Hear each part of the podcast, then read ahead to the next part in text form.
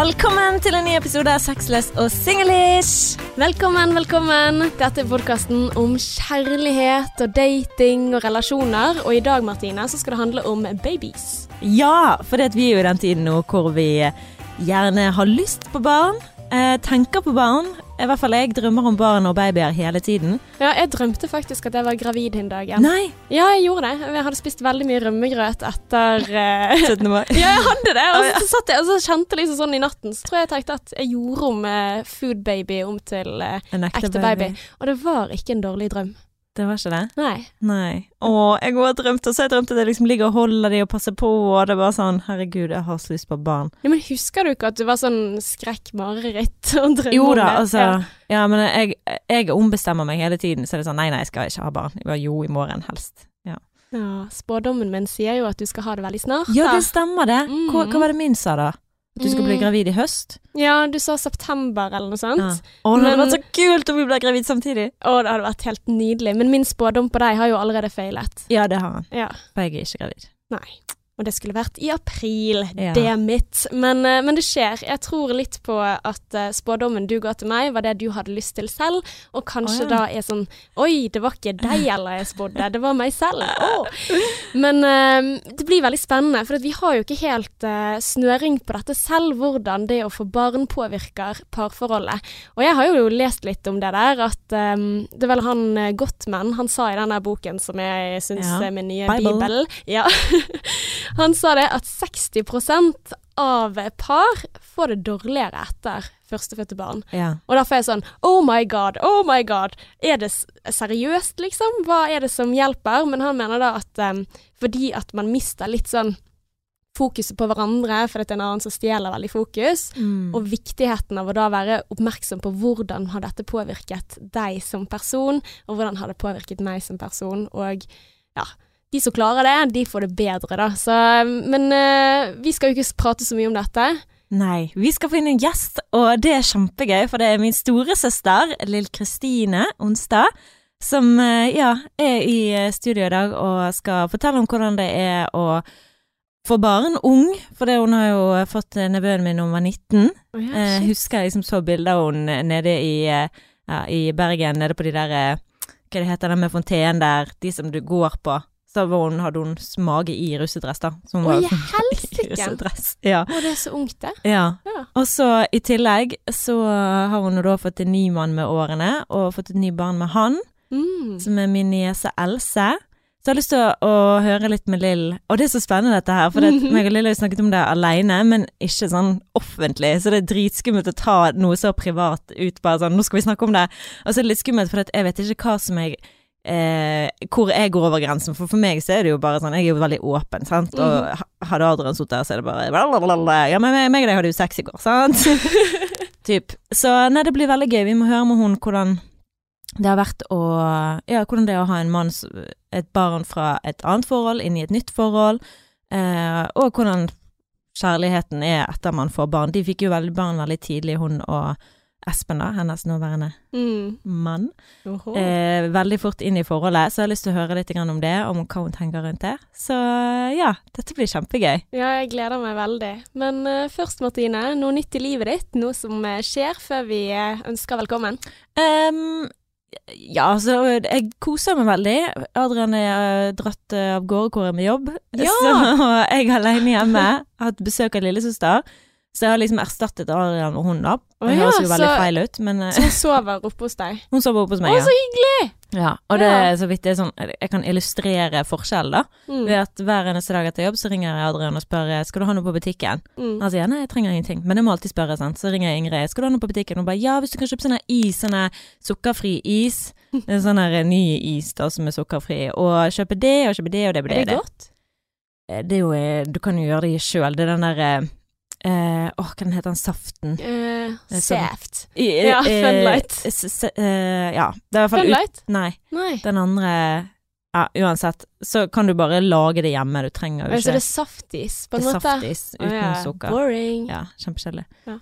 Men nei da, det er veldig koselig å ha henne der. Og så jeg begynt å lese bøker, så jeg har en bok som jeg holder på å lese nå, Hold Me Tight. Mm. Og der leste jeg noe som jeg bare tenkte jeg er nødt til å dele, for det syns jeg var genialt Altså sånn eh, Det bare var sånn wow, nå skjønner jeg alt. For det er før i tiden, sant, så hadde jo du en liten landsby som du bodde i, hvor du hadde alle som er rundt deg. Du hadde bestemor, du hadde bestefar, du hadde tanter og onkler, du hadde nevøer, du hadde alle bodde rundt, du hadde liksom Egentlig Du så folk like mye som du så kjæresten din, Mm. sant, fordi man bodde så oppi hverandre. Altså, du tenker sånn evolusjonsmessig, på en måte? Altså, Altså, har virkelig back in the days. Ja, Sånn, la oss flere hundre år Ja. tilbake i tid. Sånn, ja, evolusjonsmessig, egentlig. Ja. Og det sto der at vi har tatt alle de eh, forventningene, alle de forholdene, forventer vi at kjæresten skal oppfylle i denne For den triben som vi har nå, er på en måte bare én person. Åh. For det Før så hadde jo man så mye som foregikk. Man snakket med mor, man sang med far, man fikk kjærlighet fra naboen, man fikk kjærlighet fra den. Mm. Mens nå er det bare én person man får kjærlighet fra. Ja, for du bodde sammen med hele gjengen? Ja. ja! Oi, shit! Uh. Stemmer. ja. Da fikk jeg sånn shit, ja. Mm. Herregud, det er mye krav å leve opp til å være en hel tribe i en person. Ja, det er sant. Uh. Venner er så sykt viktig. ja. Men man ser jo ikke de like ofte. Mm. Og det er jo en annen ting igjen, sant, at uh, man tåler, som vi har snakket om tidligere, at man tåler jo mye mer fra venner enn man gjør fra kjæreste, men man går ikke gjennom de samme utfordringene i det hele tatt. Mm. Lillesøsteren min sa til meg, og hun bare Du, når jeg, når meg og deg pleier å se hverandre litt sjeldnere, så er du mye søtere. Da er du sånn Hei, har du den myke, fine stemmen? Og så er du sånn men nå når jeg har bodd med deg et par dager, så er du sånn Kan du faen meg å flytte deg? Kan du ta det der? Kan ikke du rydde opp etter din jævla Nei! bitch? Nei da. Er det Det er sant? ikke, ikke så ille, men ja, for Ja, å illustrere det, sånn. Ja, men det Er det er sant? faktisk et Mm. godt poeng. Ja. At vi er hyggeligere med vennene våre fordi at vi kanskje savner de mer. Og Ja, ser de aldri. Du ser ja. de i sånn liten brøkdel, Vi har ikke råd til å liksom waste den tiden på å være bitch. Mm. Ja. Um, ja. Det har vært mitt liv siste uken. Du da? Nei, eh, jeg føler liksom at jeg har fri hele tiden, jeg, av mai og fridager, og så er det noen kurs her. Så jeg ja, tok langhelg og var på hytten med svigers. Uh, egentlig ikke så mye å melde derfra. Nei, Altså, Hva gjør dere på det med svigers? late dager. Uh, jeg og kjæresten har jogget en del og løpt litt, og så fanget krabber og ja, spilt spill og gud så koselig. Var det, ja, det så jeg de krabbene, ja. Var det digg? Mhm, -hmm. Men det er jo sånn sommerkrabber, da, så det er ganske lite kjøtt i det. Ja. Samtidig som at jeg, jeg får så dårlig samvittighet da, når Ja. Når du liksom ser maten på den måten, og så er det vi som dreper de. Da, da kjenner jeg litt sånn øh. ja, det er veldig merkelig hele de greiene. Jeg går og tenker av, og til når jeg lager kjøtt at jeg ikke har lyst til å liksom promotere det. Mm. Altså vi som... Ja, som- men det blir noe helt Altså, én ting er å kjøpe noen ting som er ferdig laget i Mm. butikken, sant. Da tenker jeg ikke over det i det hele tatt. Men når du på en måte koker krabben Å, fy faen. Levende. Ja. Altså, ja, fy fader. Eh, så da, da kjenner jeg litt på det, men så er det kjempegodt. Ja, men for det, det er litt sånn her Det var noen veganere som sammenlignet eh, slavetiden med eh, Altså med kjøttindustrien, da. Mm. Det, og hvordan liksom vi nå er sånn her eh, Vi unnskylder hvorfor vi har lyst til å ha kjøtt, og Mm. hvorfor det er viktig, la, la, la. Em, akkurat sånn som de gjorde med slavene før i tiden, at jo, du skal ha slaver, du må kunne få lov å eie et menneske. Og han som jeg følger på Instagram, da, han mener jo det at om noen år så kommer vi til å skjønne hvor dumme vi er, liksom. At uh, vi ikke Mm. respekterer dyr sånn som vi respekterer mennesker. Mm. Det er feelings too! De har det. Ja. De har det. Mm. Så kjenn på det, du, eller? Men du, vi skal ikke ta oss og invitere søsteren min inn i studio. Da ønsker vi velkommen inn i studio til min storesøster Lill Kristine. Takk, takk. Hei! Hvor gøy å ha deg her, da, og veldig rart. Jeg føler liksom jeg tar med meg noe som er veldig privat inn her. Min lillesøster Ingrid, har jo, vår lillesøster, har jo vært her. Mm. Ja, Mm. da, ja. ja, jeg hørte på det. Ja, Hvordan syns du hun klarte seg? Nei, kjempefint, men hun er jo ei smart jente og reflektert jente, så selvfølgelig, det, ja. Så hun klarer seg godt så alltid når hun prater. Ja. Ja. Og du har jo en litt annen dialekt enn meg. Ja, hva er greia med Ja. det? Nei, opplegget der, det er um, Mamma er fra Molde, Mm. og traff da pappa, som er fra Oslo. De traff hverandre på folkehøyskole, eh, og blei kjempeforelska, og måtte etter endte år flytte hver til sitt. Pappa måtte gjøre ferdig skolen sin i Oslo, og mamma skulle gjøre sitt i Molde. Eh, men de var forelska, og så var pappa på besøk, og så gikk det ni måneder, der var jeg. Ja. Så det, da bodde mamma og jeg sammen i Molde til eh, jeg var seks år. Da flytta vi sammen, alle tre, til Bergen. Så jeg har òg bergensdialekt. Ja. Så du kan switche liksom sånn? Jeg kan switche bare som i samme setning, så kan de switche over. Ja. ja, det er gøy. Jeg har jo alltid kunnet ønske jeg hadde den Molde-dialekten, så jeg misunner deg det. Men deres foreldre møttes på folkehøyskolen. Ja. Pappa Oi. var 16 og mamma var 18. Oi, helsike. Det er en Mm. veldig fin kjærlighetshistorie. Mm. Det er egentlig det, ja. Det er Kanskje dere skulle invitert dem hit? Nei. Å, det hadde vært gøy. No. Det hadde vært så gøy. Oh god. Ja, snakk om å ta det nær på. Nei, Nei, men det får holde med søsknene i hvert fall i denne omgang. Men fortell litt om deg, Lill. Mm. Hvor gammel er du? Hvor lenge har du vært sammen med din kjære? Og hvor mange barn har du? Og så videre. Jeg er 36 år. Jeg eh, fikk mitt første barn da jeg var 19 og russ. Eller jeg var gravid russ. Han er født i september, så jeg var da fire måneder, han var jo prematur. Eh, så han, var- ja, jeg var fire måneder på vei da jeg var russ. Veldig spesielt, men eh, I remember it all. Mm. Det er ikke noe med russetida jeg har eh, glemt. Og så var jeg sammen da med barnefar, som for øvrig heter Kim. Vi var vel sammen i to, to år før vi gikk hvert til vårt. Og så traff vi igjen han eh, som jeg er sammen med nå, Ja. Espen. For vi var jo sammen for 20 år siden. Oi. Ja. For 20 år siden, da jeg var 16, fra jeg var 16 til jeg var 17, Wow. da var vi sammen. Og så fant vi ut at eh, det var ikke rett. Vi var på helt forskjellige steder i livet, og vi måtte ha litt tid for oss sjøl og modnes, og ja, så Men- brøt vi kontakten. Men du visste ikke at du kom til å ende opp med han igjen? Nei, nei, nei. Men hadde du kjærlighetssorg når dere gjorde det slutt? Nei. Nei. Wow. nei.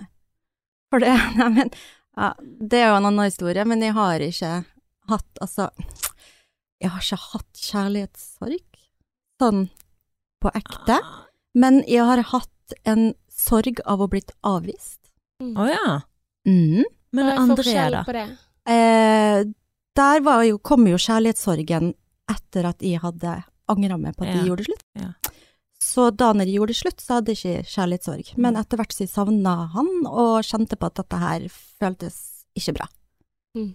Og så oppsøkte jeg da igjen, og så prøvde jeg om det var noe håp, men det var ikke håp i helvete. Mm. Så, ja, så den avvisninga, det var en kjærlighetssorg, ja. Mm. Men Det er jo eh, alles frykt når man liksom vurderer skal jeg Mm. gjøre det slutt eller ikke. Hva hvis jeg Mm. angrer? Jeg, jeg har alltid liksom tenkt sånn nei, man angrer jo ikke. Men det gjør man altså. Kan det, ja. Ja. men eh, nei da, så det, men det blei så det blei.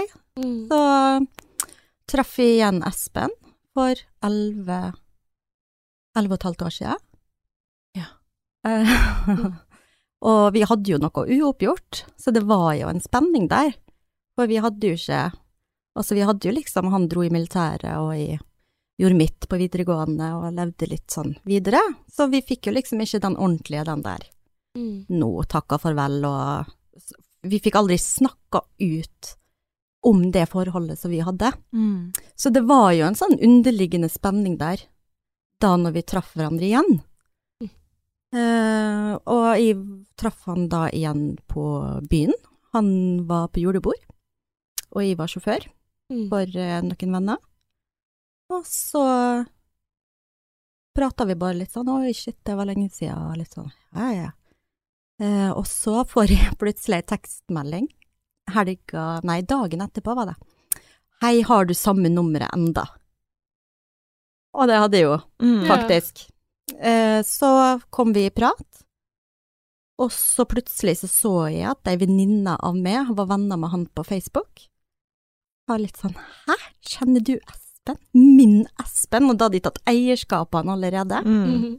Og da var det litt sånn, nei, dette her må vi finne ut av. Og så tok vi kontakt videre, og vi hadde filmkvelder, og vi traff hverandre og ble kjent på nytt. Og selvfølgelig masse, masse å prate om, og Mm. masse minner og masse misforståelser. Ting som jeg liksom Jeg ble litt sånn, ja, men åh, du var jo den drittsekken, for du gjorde jo sånn. Mm. Og han er liksom bare, du, hallo, husker du altså dette her var det som skjedde. Mm. Ja, men jeg husker jo at det var sånn. Ja, men det var før, for det at etter der igjen, og så ble det litt sånn, hæ, har jeg sett så feil på det, og har han liksom meint noe annet, eller ja, så det ble en Mm. sånn opprensking, og det var veldig godt. Og dere har jo modnes helt utrolig da, når dere har vært sammen som tenåringer, Mm. eller litt mer enn tenåringer hvis han er litt eldre. Ja, han er ja, tre og et halvt år eldre, så Ja. fire fødselsår da. Så Men han, da eh, å ha ja. vært sammen i den perioden, Mm. og så møtes igjen som voksne, altså Mm. er det samme person, føler du, eller? Nei, Nei, det det var det. veldig rart, at vi hadde samme, vi hadde jo minner sammen, og jeg kjente jo igjen masse liksom av lukter, parfymer og alt sånn, men allikevel så hadde han jo fått seg hus. Ja. Så det var liksom ikke på kjente omgivelser, at det var ikke et sted jeg hadde vært før da jeg dro hjem til han og vi Mm. møttes og sånn. Så det blei litt som å bli kjent med noen på nytt, for det var jo så mange ting med han som jeg bare himla med øynene over for 20 år siden, som jeg Mm. plutselig bare Jøss. Ja, sant? Mhm. Og så hadde du den der spenninga fra før av. Men hva var det som gjorde at du eh, ble forelsket i han på nytt? Hva var det med han som gjorde at du, han går jeg for? Det var jo historien vår som gjorde at uh, vi hadde noe å bygge på. Og i tillegg så var det det at jeg så at han var blitt voksen, rett og slett. Sant? Og det var jo noe jeg hadde savna. Og så var det måten han tok imot meg på. Mm. Rett og slett at han var kjærlig. Og Mm. i og med at jeg kjenner han fra før, så veit jeg jo det at han er jo ikke en typisk sånn kosete og kjærlig sånn type mot jenter, da. Han er, har vært litt mer sånn at Ja, han var player Ta- før han møtte deg? Ja, ok, Eller bare ja, ja. uinteressert? Ja, ja. Å, ikke det er kult å kunne si, han var player før han møtte Ja, ja, meg. ja, ja, ja. Også, men det er litt sånn morsomt å høre når han forteller om det òg. Han kan jo si sånn at eh, ja, nei Fortelle sin side fra når vi møttes igjen, at dette her var liksom Nå fikk han ikke bare den der at dette her var en erobring, og dette var noe han skulle, men dette var noe han ville. Mm. Mm. Og han hadde så lyst, og han kjente på hele kroppen at dette her må vi få til. Mm. Og dette her må vi jobbe med å utvikle, og så bli kjent på nytt, da. Eh, og han hadde jo ikke vært i et seriøst forhold tidligere. Så jeg, jeg var førstemann som var med hjem og hilste på foreldrene hans. Men de hadde du møtt fra før? Eh, ja, men det er en annen historie, for det var Nei, jeg hadde, jeg hadde ikke møtt dem da, da jeg var fra 16 til 17. Å nei, nei. Nei da, da var jeg da, Nei, da var jeg en hemmelighet. Oh, ja. Ja, så det, oh. det var ikke på det nivået, da. Ja, nei, da skjønner jeg at dere har Ja. noen sånne ting som om å gå tilbake igjen ja, til ja, og og si nøste at opp eh, i ja, og Ja, Hva var greien med det? Ja, ja, Ja. sant. Eh, fordi at som jente, og jeg følte meg som en ordentlig kjæreste, og altså, hallo, hvorfor skal ikke vi hilse på foreldrene, og liksom sånn der, og han bare nei, altså, keep it low, liksom. Mm. Men ja, nei. Man får nå bare spille med, så syns jeg det var greit akkurat da, men så savna jeg jo litt mer, og så ville ikke han mer, og så ble det litt sånn nei, da, men ryk og reis, da. Da Mm. får du dra til militæret, og så får jeg gjøre mitt, og så får jeg finne noen som vil mer, rett og Mm. slett. Så det ja, litt den tankegangen der. Men eh, nei, vi ble sammen i januar, og så i mars så hadde lillebroren hans bursdag, og da ble jeg invitert i familieselskap. Oi. Første gang de skulle hilse på foreldrene, det var to tante. Måneder. To måneder inn i det. Tante og onkler og ja, søstre og brødre og nieser, nei ikke nieser og nevøer, de var ikke kommet ennå, men det var familiekalas. Ja, det var noe Mm. nytt. Ja, det var noe veldig nytt. Og i tillegg så hadde de trukket to jeksler to dager før, så jeg kom som en sånn halv hamster på ene sida og liksom bare følte meg kjempelur. Så nei da, det var veldig koselig. Utrolig hyggelige folk. Og, ja. Så hvordan har dere nå klart å være sammen så lenge som det dere har, vil du si? Elleve år. ja. Mm.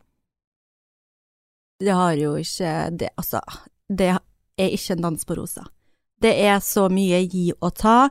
Det er så mye svelling av kameler at du får vondt i halsen. Det er mm, Bli kjent med seg sjøl. Bli kjent med den andre personen. eh, utvikle seg i takt. Finne ut av hverandre etter hvert, underveis. Kommunikasjon, selvfølgelig, det er jo the big word. Mm. Eh, og komme med tilbakemeldinger, tåle å få tilbakemeldinger. Det er faen ikke Eh, lett. Men, Nei, det er ikke lett i det hele tatt. Nei. Men når var det dere fikk barn? For du har to barn, en med Ja. forrige og en Ja. med han her. Så hvor lang tid tok det før dere fikk eh, barn? det var ganske tidlig, altså. Vi ble sammen i januar 2009, og da hadde jeg hormonspiral. Mm. Eh, og den var da helt Ja, den var vel seks år. Ja, så den var litt sånn at da skulle jeg til legen og få bytta den ut. Mm. Og så var vi litt sånn frem og tilbake, og jeg tror han var veldig klar for å få barn. Mm.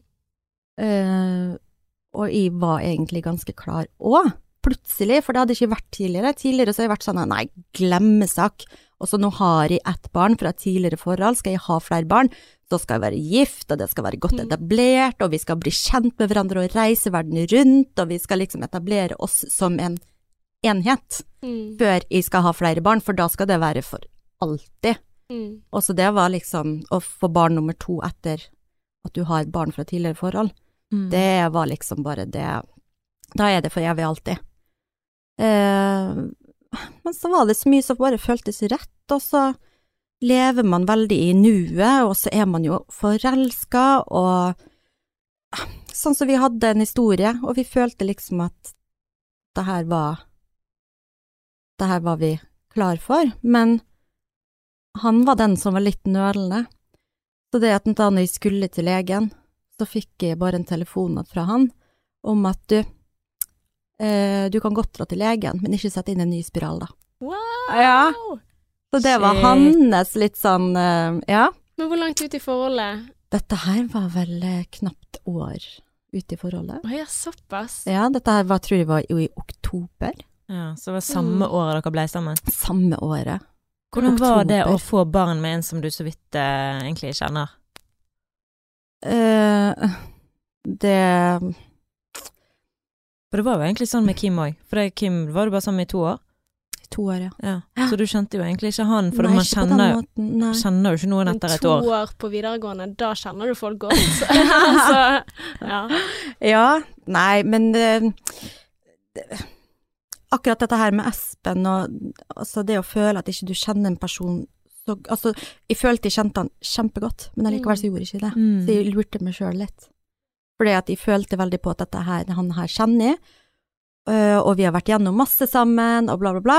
Og så kommer det for en dag, og etter en dag, og etter en annen dag at oi, hm, den sida her har jeg ikke sett før, eller dette her visste jeg ikke, og å ja, er det sånn det er? Altså du, ja. Og Var det før eller etter barnet kom? eh, det var mens jeg var gravid, Å ja. ja. Oh. Så det var noen tøffe tak der hvor jeg rett og slett måtte for, Som for eksempel, jeg er veldig sånn at jeg skal aldri nekte et annet menneske å gjøre noe, for eksempel. Sånn som det er mange kjærestepar som «Æ, du får ikke lov å gå på byen uten meg, eller du får ikke lov å reise på guttetur, og du skal reise med meg. Mm. Og der har jeg aldri vært, fordi at jeg er ikke denne personens mor. Hvis denne personen har lyst til å gjøre noe, og føler det at det er greit. Så det var jo det at han dro på guttetur, og ja, plutselig så ringte han meg, og så var han godt full, og jeg hører ei dame i bakgrunnen, og han plutselig legger på røret, og det var litt sånn Men han veit at jeg er veldig sjalu, Ja. Mm. så han liker jo, eller likte før da, når han var litt mer barnslig. Ehm, og utrygg, for dette er jo litt sånn i begynnelsen av et forhold òg, og vi var jo, Mm.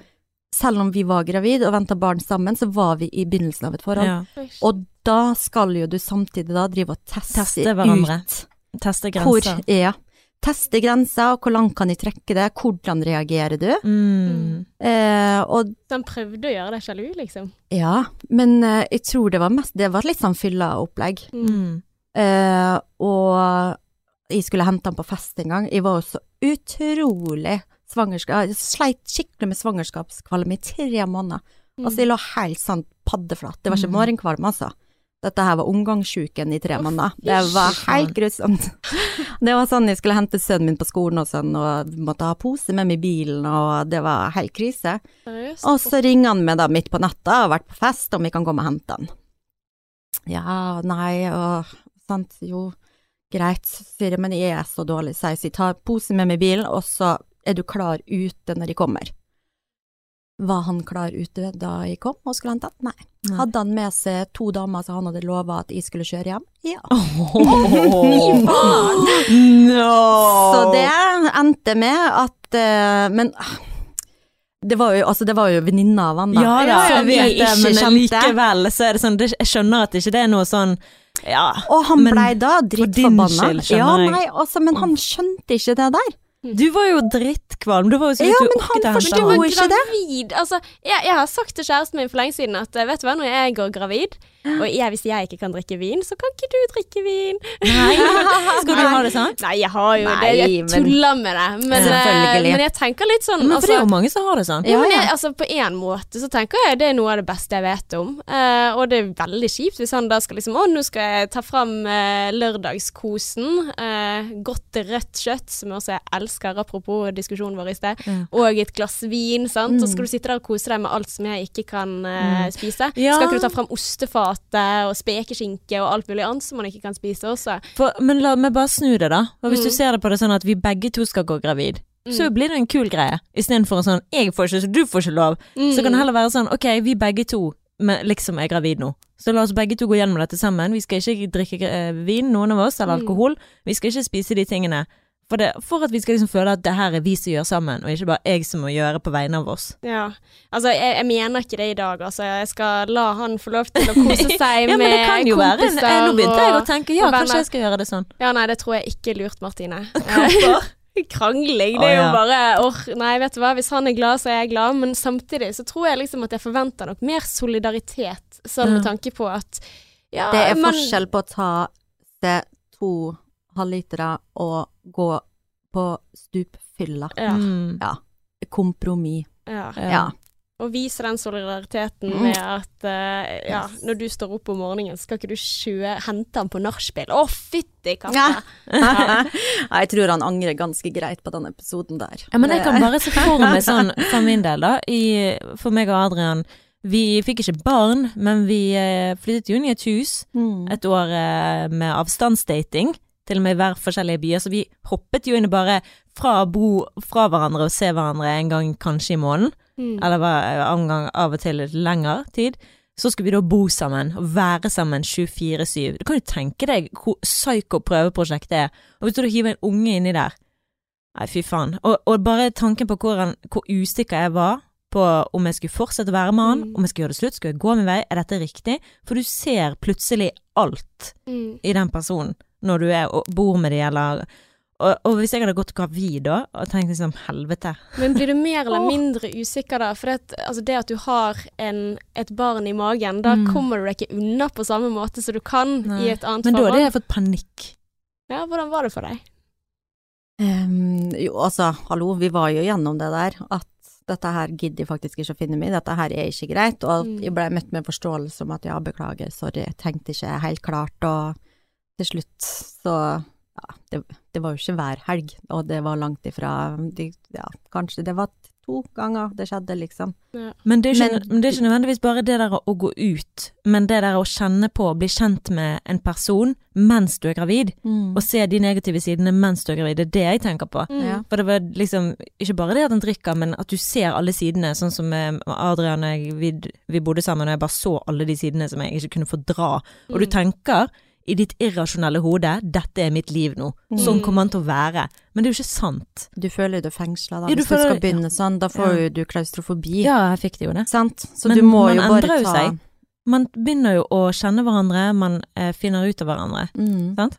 Ja, ja, ja, og du må bare ta et steg bak. Mm. og bare være litt sånn ute av det sjøl, og observere, og reflektere over alle de fine tingene. Mm. Og sånn som jeg har blitt veldig obs på det siste året, bare faktisk, er at for hver negativ ting, så må jeg si i hvert fall to positive. Mm. For det at jeg kan gå og irritere meg over at åh, ja, men han Sånn som vi, da, vi er veldig glad i å gå på fjellet. Mm.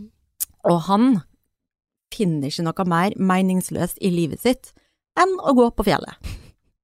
Eh, han elsker å se på fotballkamp, Mm. og jeg finner ikke noe mer meningsløst i livet mitt enn å sitte og se på en fotballkamp.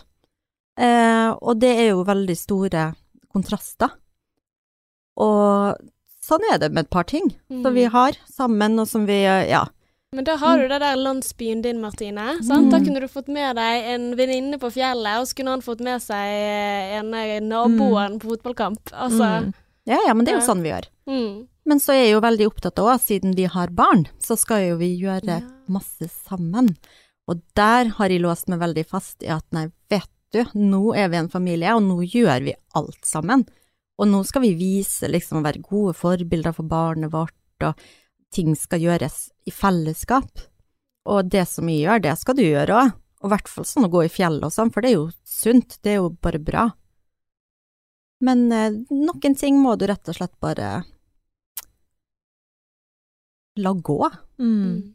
Altså, jeg kan dra på fjelltur med andre venner. Altså, jeg går på fjelltur med et vennepar, altså som et vennepar av oss, men han blir igjen hjemme. Mm. Men da føler jo han nå litt på at han må gjøre noe som veier opp for det, da. Så han har jo da malt hele huset oh, ja. Wow. ut, ute. Eh, og ja, og har litt sånne små egne prosjekter. Mm. Eh, men det er litt sånn at ja, shit da, han liker ikke å gå på fjelltur, men guri malla så masse andre fint han gjør. Mm. For eksempel i går, jeg vet ikke om han gjorde det for at han visste at jeg skulle hit, men han hadde en litt sånn rastløs søndag, og plutselig så reiste han seg bare opp og bare nei, guri malla, og drittvær ute, og du blir helt sånn tafatt, og ja, nei, så han shina hele kjøkkenet. Mm. Wow. Eh, gulv og skap og alt. Digg.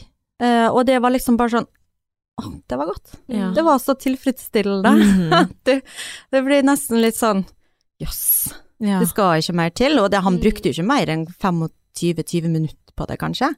Men det var liksom bare Åh, det, Det betyr betyr så mye. Ja. Jeg husker også sånn, og, og i forhold til det der å ikke ha så høye forventninger, for jeg er en som har høye forventninger, sant. Men eh, noen ganger så gjør jeg ting bare av ren um, automatikk, sånn som å rydde og sånn som det. Så vi hadde spist middag, og så skal, skulle jeg ut og møte noen venninner nede på bryggen og ta noe eh, glass vin. Så sa jeg åh, jeg får ikke tid til å ta kjøkkenet før jeg går, så jeg bare tar det når jeg kommer hjem. Det enset meg ikke å si sånn, kan du ta det? Mm. Men når jeg kom hjem, sant, så, lå han i sengen, og så gikk jeg inn til han, jeg bare, å, jeg må nødt til å gå opp og, opp og eh, rydde kjøkkenet, kan du ikke du være med? Så han bare, nei. Jeg bare, jo. Han bare, nei. Jeg bare, jo, vær så snill. Han bare, Martine, jeg har gjort det. Jeg bare, nei, ja du, det var liksom julaften. For dette var ikke litt forventet, sant? Jeg hadde ikke forventet det. Og det er det som er så nydelig med å ikke ha forventninger. Mm. For du blir ikke skuffet. Du Nei. blir bare positivt overrasket. Mm. Men det er jo vanskelig, da, å leve sånn hele tiden. Ja, det er beinhardt, og det er jo litt sånn når du får barn òg. Hva forventninger har du? Hva Mm. forventninger har han? Mm. Eh, Ja, og hvordan det var det? Hvordan bemøtte dere forventningene til hverandre? Hvordan eh, ulike måter å oppdra noen på? mm. Det er jeg nysgjerrig på. Nei, altså, jeg gikk jo inn i en sånn eh, Altså etter fødsel, da, sånn type barsel eh, em, Da gikk jeg litt sånn inn at de var så ekstremt overbeskyttende for dette lille vesenet, og det var liksom Altså, Espen, hvis han hadde tatt seg en fredagsøl, så fikk ikke han lov å holde henne. Nei, jeg vet hva, jeg ble helt sånn Jeg ble helt Altså, jeg ser tilbake på det nå, så jeg ser jo tilbake på det som helt psyko. Og så han fikk ikke lov å sove, visste at han hadde drukket alkohol eller tatt seg en øl eller et eller annet til fotballkamp eller til tacoen, eller bare sånn landingspils, da, som han pleier å si når han kommer hjem fra jobb på fredagen. Um, og han fikk ikke lov å sove altså inn på rommet vårt, og hvis han Nei, det Nei. Og det, det fant han seg i. Det var greit. Eh, ja. Og det syns jeg er Og det- imponerende. for det, det er Adrian veldig imponerende. Sånn, eh, nei, jeg skal sove her. Deal with it. Men det som han sier òg, at det var ikke en Altså, han så det, at dette her er ei nybakt mor. Mm. Full i hormoner og følelser, litt på tuppa, overbeskyttende, og det dyriske instinktet i oss, sant. Mm. Eh, så han, han sa liksom bare at ja, ja, men det var der og da. Altså, det er, Mm. vil ikke være gjeldende om kanskje noen måneder eller uker, eller det var der og da. Mm. Da tar vi en dag om gangen, og så får vi respektere at Morsinstinktet, rett og slett. ja, at det er sånn mor Og så hva hva hadde han vunnet på å gå inn i en diskusjon? Mm. Mm. Han hadde jo bare gjort meg enda mer frustrert og enda mer oppgitt og sett at de hadde sett mer håpløst på det, og så hadde det blitt dårlig stemning. Mm. Så han var veldig sånn bevisst på at ok, dette her er ikke et menneske som har forandra seg til å bli psyko for resten av livet. Dette her er dagen i dag, og så tar vi dagen i morgen når den kommer i morgen. Men jeg har hørt at det er veldig normalt, det. Akkurat den der biten med Ja. at eh, Altså både det der for den der eierfølelsen, men også dette med alkohol, da. At du har Mm. nulltoleranse. At skal Ja. du Hvis du smaker alkohol, kom deg bort fra ungen min. Ja, ja. Uh. Og jeg ble helt sant på det. Eh, og det, jeg ser jo tilbake på det nå og syns det at eh, hallo, ko-ko. Men for meg der og da, så var det så realistisk. Mm. mm. Og han, altså det å Man blir jo ikke full av en øl. Men jeg var så redd for at han, hvis han hadde litt, mista litt balansen, eller hvis det var et eller annet, Mm. han kanskje en brå bevegelse, eller at han pusta, at det var promille i pusten, altså det, det, det- helt sånn, altså du blir så, du kan bli Mm. skikkelig koko. Mm. Og det husker jeg når andre skulle holde både Kristian Christian og altså Else, mm. at de var helt sånn Nei, nei, hvordan holder du babyen min? Hva gjør du med Mm. babyen min? Nei, nå har du holdt litt lenge, syns jeg. Mm. Altså, Ja. at, altså hallo, hva er nå, er- nå har det gått 30 sekunder, nå må jeg få tilbake babyen min. Åh, Ja, ja, Det blir helt Men da jeg var så bevisst på det òg, at dette her er jo ikke helt korrekt. Men det er så greit å vite når man ikke har barn, for hvis du eksempel er 'Å, kan jeg holde han?' Sånn, så er det på en måte Tenk hvis mor ja, er sitter vel- og er ja. dritstresset. Det er Ja. sånn jeg ikke har tenkt over engang. Men det er veldig forskjellig, sånn som Julie, bestevenninnen min, hun var jo veldig sånn ja, herregud, jeg blir glad hvis du vil holde henne, sant. Altså, mm. Julie var jo ikke litt sånn overbeskyttende i det hele tatt. Men det kan jo gå, altså, og hun var jo sånn, jeg er jo redd for at folk ikke har lyst til å holde henne, for det, hvorfor skal de gidde det? Men sant, de som sitter der tenker jo sikkert sånn, hun vil sikkert ikke at jeg skal holde, for det at ofte så har man den der eh, overbeskyttende morsinstinktet, I hvert fall de tre første, fire første ukene. Mm. Og så ble det litt roligere. Ok, det var bra. For jeg sitter og tenker på et sånt bryllup jeg var i, og jeg bare 'Å ja, dere skal fotograferes'. Jeg tar ungen, jeg. Og da har jo jeg drukket mange glass oh, ja. vin i tillegg, sant. Og jeg bare 'ja ja'. Men det var heldigvis en større unge. Men likevel, tenk så stress for de foreldrene. Men de gikk nå og tok bilder, så det Ok, det var bra. Ja, ja, Så jeg holdt den ungen ganske lenge. Men eh, likevel, det var sånn 'slapp av, jeg tar, jeg fikser'. Og jeg skulle jo bare hjelpe til. Åh. Men ja, nei, men altså, du blir så, du blir så stressa, du tenker på ting som du aldri tenkt på før. Ja. Og så det der, altså babyhuden da, den er så sart og liksom så tynn Mm. og fin. Mm. Og bare det der at hvis noe med sminke eller et eller annet Å, ja. skulle, og parfyme, da ble jeg helt sånn, åh, kanskje få gifte ungen min. Nei, Sant? Å, Ja. Nei, for jeg tenkte helt alle giftstoffene og alt sånt Og der. er Og jeg brukte jo ikke sminke sjøl under den, altså den barselperioden eller de første månedene. Jeg brukte ikke sminke og ikke parfyme, ingenting. For det det skulle være Nei, det var bare i mitt hode så skal ikke du det. For det Mm. at du skal ha det så reint. Og det skal være så ja, klinisk, da. Sterilt, eller Ja. Mm. Fordi at eh, Var det så mye ting jeg ikke har tenkt på? Mm. Helsike. Nei, og så var jeg veldig opptatt av at alle skulle vaske hendene sine før de fikk lov å ta på babyen, fordi at han skulle ikke bli, eller hun eller han skulle ikke bli syk, han skulle ikke ha Mm. noen bakterier som han ikke var klar for. Og det er liksom bare himmel og hav, altså.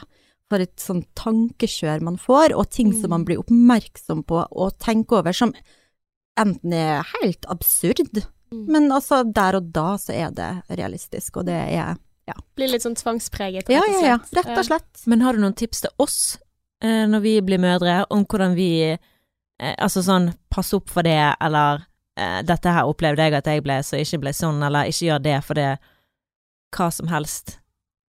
Altså, jeg tenker først og fremst så må du følge babyen. Ok. Du må følge Hvis babyen sover, så må du prøve å sove. Ah, ja. For det at jeg husker med første med Christian, da var jeg ung, og jeg skulle overprestere, og jeg skulle overalt. Altså, jeg skulle holde huset hjem, og jeg skulle holde alt, altså baby og samboer, alt skulle vært tipp topp. Mm. Så det at når han da sov på dagtid, så fløy jeg jo rundt som en sånn der eh, vaskefille over hele huset, og vaska klær og tørka klær og bretta Mm. klær og sorterte klær, og hele tida var helt på kanten på at alt skulle være on fleak. Mm. Eh, og da når kvelden kom, og han gjerne Å ja, nei, men nå skal vi være våken. Mm. Så var jeg så sliten, og jeg var så trøtt. Og så Unnskyld, Christian, men vet du hva? En natt, nei, sikkert flere netter, jeg så for meg at jeg tok den ungen og kasta den ut vinduet. Mm.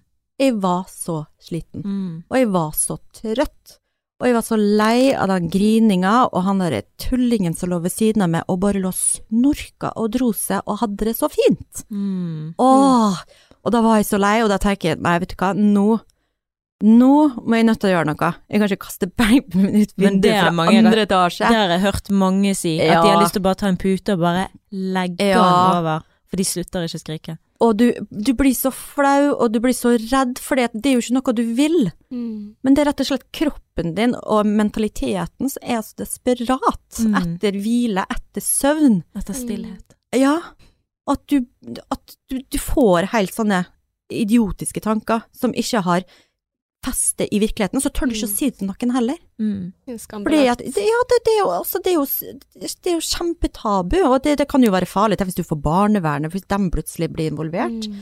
Eller ja, alt mulig. Folk kan se på deg helt skeivt og bare 'du er syk'. Altså, hallo i luka. Du er jo kjemperedd for å bli dømt. Mm. Men det har jeg faktisk lest altså sånn med tanke på ekte tvangslidelser og sånn, at det er økt risiko etter eh, altså førstefødte Mm. blir født, fordi at eh, man blir så redd for Ok, hvis du får sånne tanker, og så blir du redd for at du tror på de tankene, og Mm. Ja. så eh, at du kommer til å gjøre noen ting. Men det, det gjør du ikke hvis du er redd Nei. for det, sant? Nei, nei, men, nei. eh, men mange som ikke Ja, at det kan bli ganske alvorlig, da, hvis du Mm. eksempel ikke tør å være rundt kniver med barnet ditt fordi at du ser for deg at eh, Du Ja. plutselig mister du kan skade eller. Ja, mister kontrollen. ja, ja, ja. Eller du tør ja. ikke gå forbi peisen for at du er redd for at plutselig skal snuble og kaste Mm. ungen din Altså, helt sånn du, Men du får, som mor, tenker jeg, så får du sånne tanker. Altså, du får sånne worst case scenario-tanker hele tida. Mm. Altså, jenta mi nå, uh, hun blir ti år, elsker å være på trampoline og tar salto og slår hjul og er kjempeaktiv og syns det er så gøy. Og av og til så tar jeg meg sjøl i at jeg får sånn angstfølelse på at tenk hvis at hun lander feil, tenk hvis hun brekker Mm. nakken, tenk hvis hun Guri malla, tenk hvis det skjer noe, tenk hvis Altså Men du må bare gjennom den der eh, Mm. worst case scenario, Mm. og så må du snakke bare fornuft til deg sjøl. Og det var så morsomt der, for det var en dag hun var ute på trampolina med eh, ei venninne, som hun er i samme kohort med på skolen, så de er sammen, ja. Eh, og da lå jeg inne, og så, tenkte, så hørte jeg at han drev og skravla og sånn, så uh, lo og hadde det kjempegøy på trampoline, og så tenkte jeg, å guri malla, så kom den der følelsen at herregud, nei, nå ser jeg for meg at hun plutselig nå så roper hun venninna på meg at 'Lill, du må komme, Else har skada seg', eller et eller annet. Jeg fikk sånn skikkelig sånn Og så går det vel kanskje to minutter, Mm. og så reiser samboeren min seg opp, og så går han bort til verandadøra, der så vi har utsikt ned i hagen med trampolina, og han bare 'herregud, Lill, vet du hva, jeg er så redd for at hun skal skade seg, at hun skal falle og brekke nakken'. Og da ble jeg litt sånn ja, ja. og da var jeg litt sånn ah, kanskje vi skal begynne å dele litt mer sånn Mm. angst og ja, tørre å snakke litt mer om at uten å bli sett på som helt gal. Mm. Fordi at du har Jeg har ei venninne som hele tida mente at hun var så eh, god eller overbeskyttende eller et eller annet, da. Fordi at hun hele tida tenkte sånne tanker, men samtidig så var hun så redd for at at det feilte henne noe. Fordi at hun Mm. hele tida gikk og tenkte sånn worst case scenario, og hun Mm. var veldig overbeskyttende. Mm. Men så lenge det ikke hindrer barn og barns utvikling, Mm. så må du jobbe med det sjøl om det. Mm. Ja. Ja. hvis du liksom må holde barnet inne. Du får ikke lov til å tra være hos den venninnen, for der er det trampoline, og du kan ikke gå på trampoline. Ja. Da er det problematisk. Da er det veldig problematisk. Så det å skille mellom det og være Mm. litt sånn eh, Prate om det. Mm. Mm. Si det høyt til en venninne eller til mamma eller tante eller et Mm. eller annet, og få høre det at ja ja, men det, det er helt normalt. Ja.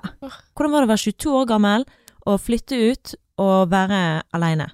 I begynnelsen var det jo beinhardt, eh, på grunn av alt. For det at plutselig så var jeg helt alene i en leilighet, og det var bare jeg og gutten min. Men kan jeg spørre om en ting Mhm. plutselig? Altså, hva skjedde, holdt jeg på å si? Kan jeg spørre om det? Ja, nei, altså, vi hadde jobba i et år, pappaen til Kristian og jeg, cirka et år, med å få ting til å fungere og få Mm. det til. Eh, ja, å finne tilbake til sånn som vi ville ha det, men så var det masse som gjorde det vanskelig. Han eh, var kjempesyk, nyretransplantert, kjempesliten, masse medisiner. Eh, kunne plutselig våkne opp, og så var han sengeliggende en hel dag, så jeg var liksom alenemor før vi flytta fra hverandre, da. Mm. Eh, så jeg ga alt til huset, lage middag, passe på gutten vår, Mm. og så skulle jeg da på toppen av det hele være sykepleier, Mm. plutselig. Eller, ja, hjemmehjelp. I en alder av 21. Eh, eh, 20, ja. Ja, 20. Altså, Ja. hallo. Er 20 år. Eh, og det var Det var så mye som jobba mot oss, Mm. eh, at til slutt så hadde det bare gått så lang tid at jeg sa det at dette her går ikke mer. Jeg, har, eh, jeg skal gå på visning på ei leilighet som jeg har funnet, eh, og sånn blir det. Mm. Fordi at nå, nå er det på tide å gi opp. Men hvordan gjorde du det? Altså, det er en svær beslutning, sant? Det der, eh, og Ja, hvordan, hvordan klarte du å ha den styrken til å gjennomføre det, da? jeg veit ikke. Det er veldig rart egentlig å se tilbake på og skulle forklare hvor den styrken kom fra, men jeg Mm. tror bare det at jeg kjente såpass mye på at hvis de fortsetter sånn som vi gjør nå, så ville jeg ikke klare å ta vare på meg sjøl, og jeg ville ikke klare å ta vare på sønnen vår, for jeg hadde ikke mer. Altså, du, du Du gir og gir og gir og gir, og så får du ikke noe påfyll, og da går du tom. Altså, du kan ikke kjøre en uh, bensin- eller dieselbil i evigheter uten å måtte stoppe opp og fylle på. Men Martine, her er vi nødt til å ta en liten pause. Vi babler så bare det, så dette her eh, intervjuet her, de gikk over stokk og stein. Ja. og, Og det det ble ble bare bedre og bedre og bedre jo mer vi gikk inn i intervjuet, og det syns jeg er så deilig. Men sånn er det, sant. Man, man varmer litt opp, og så går man dypere inn i materie, og Mm. ja. Vi Så- skal fortsette del to neste uke. Ja, og da handler det om det vi faktisk introduserte i starten i dag med å si at vi skulle snakke om. Dette her hvordan forandrer parforholdet seg, eh, parforholdet seg etter du får barn. Ja. Ja. ja det blir det, det er så bra. Så bare gled deg. Mm. Så Lill er med oss eh, neste uke også, så Ja. følg med i neste episode. XOXO.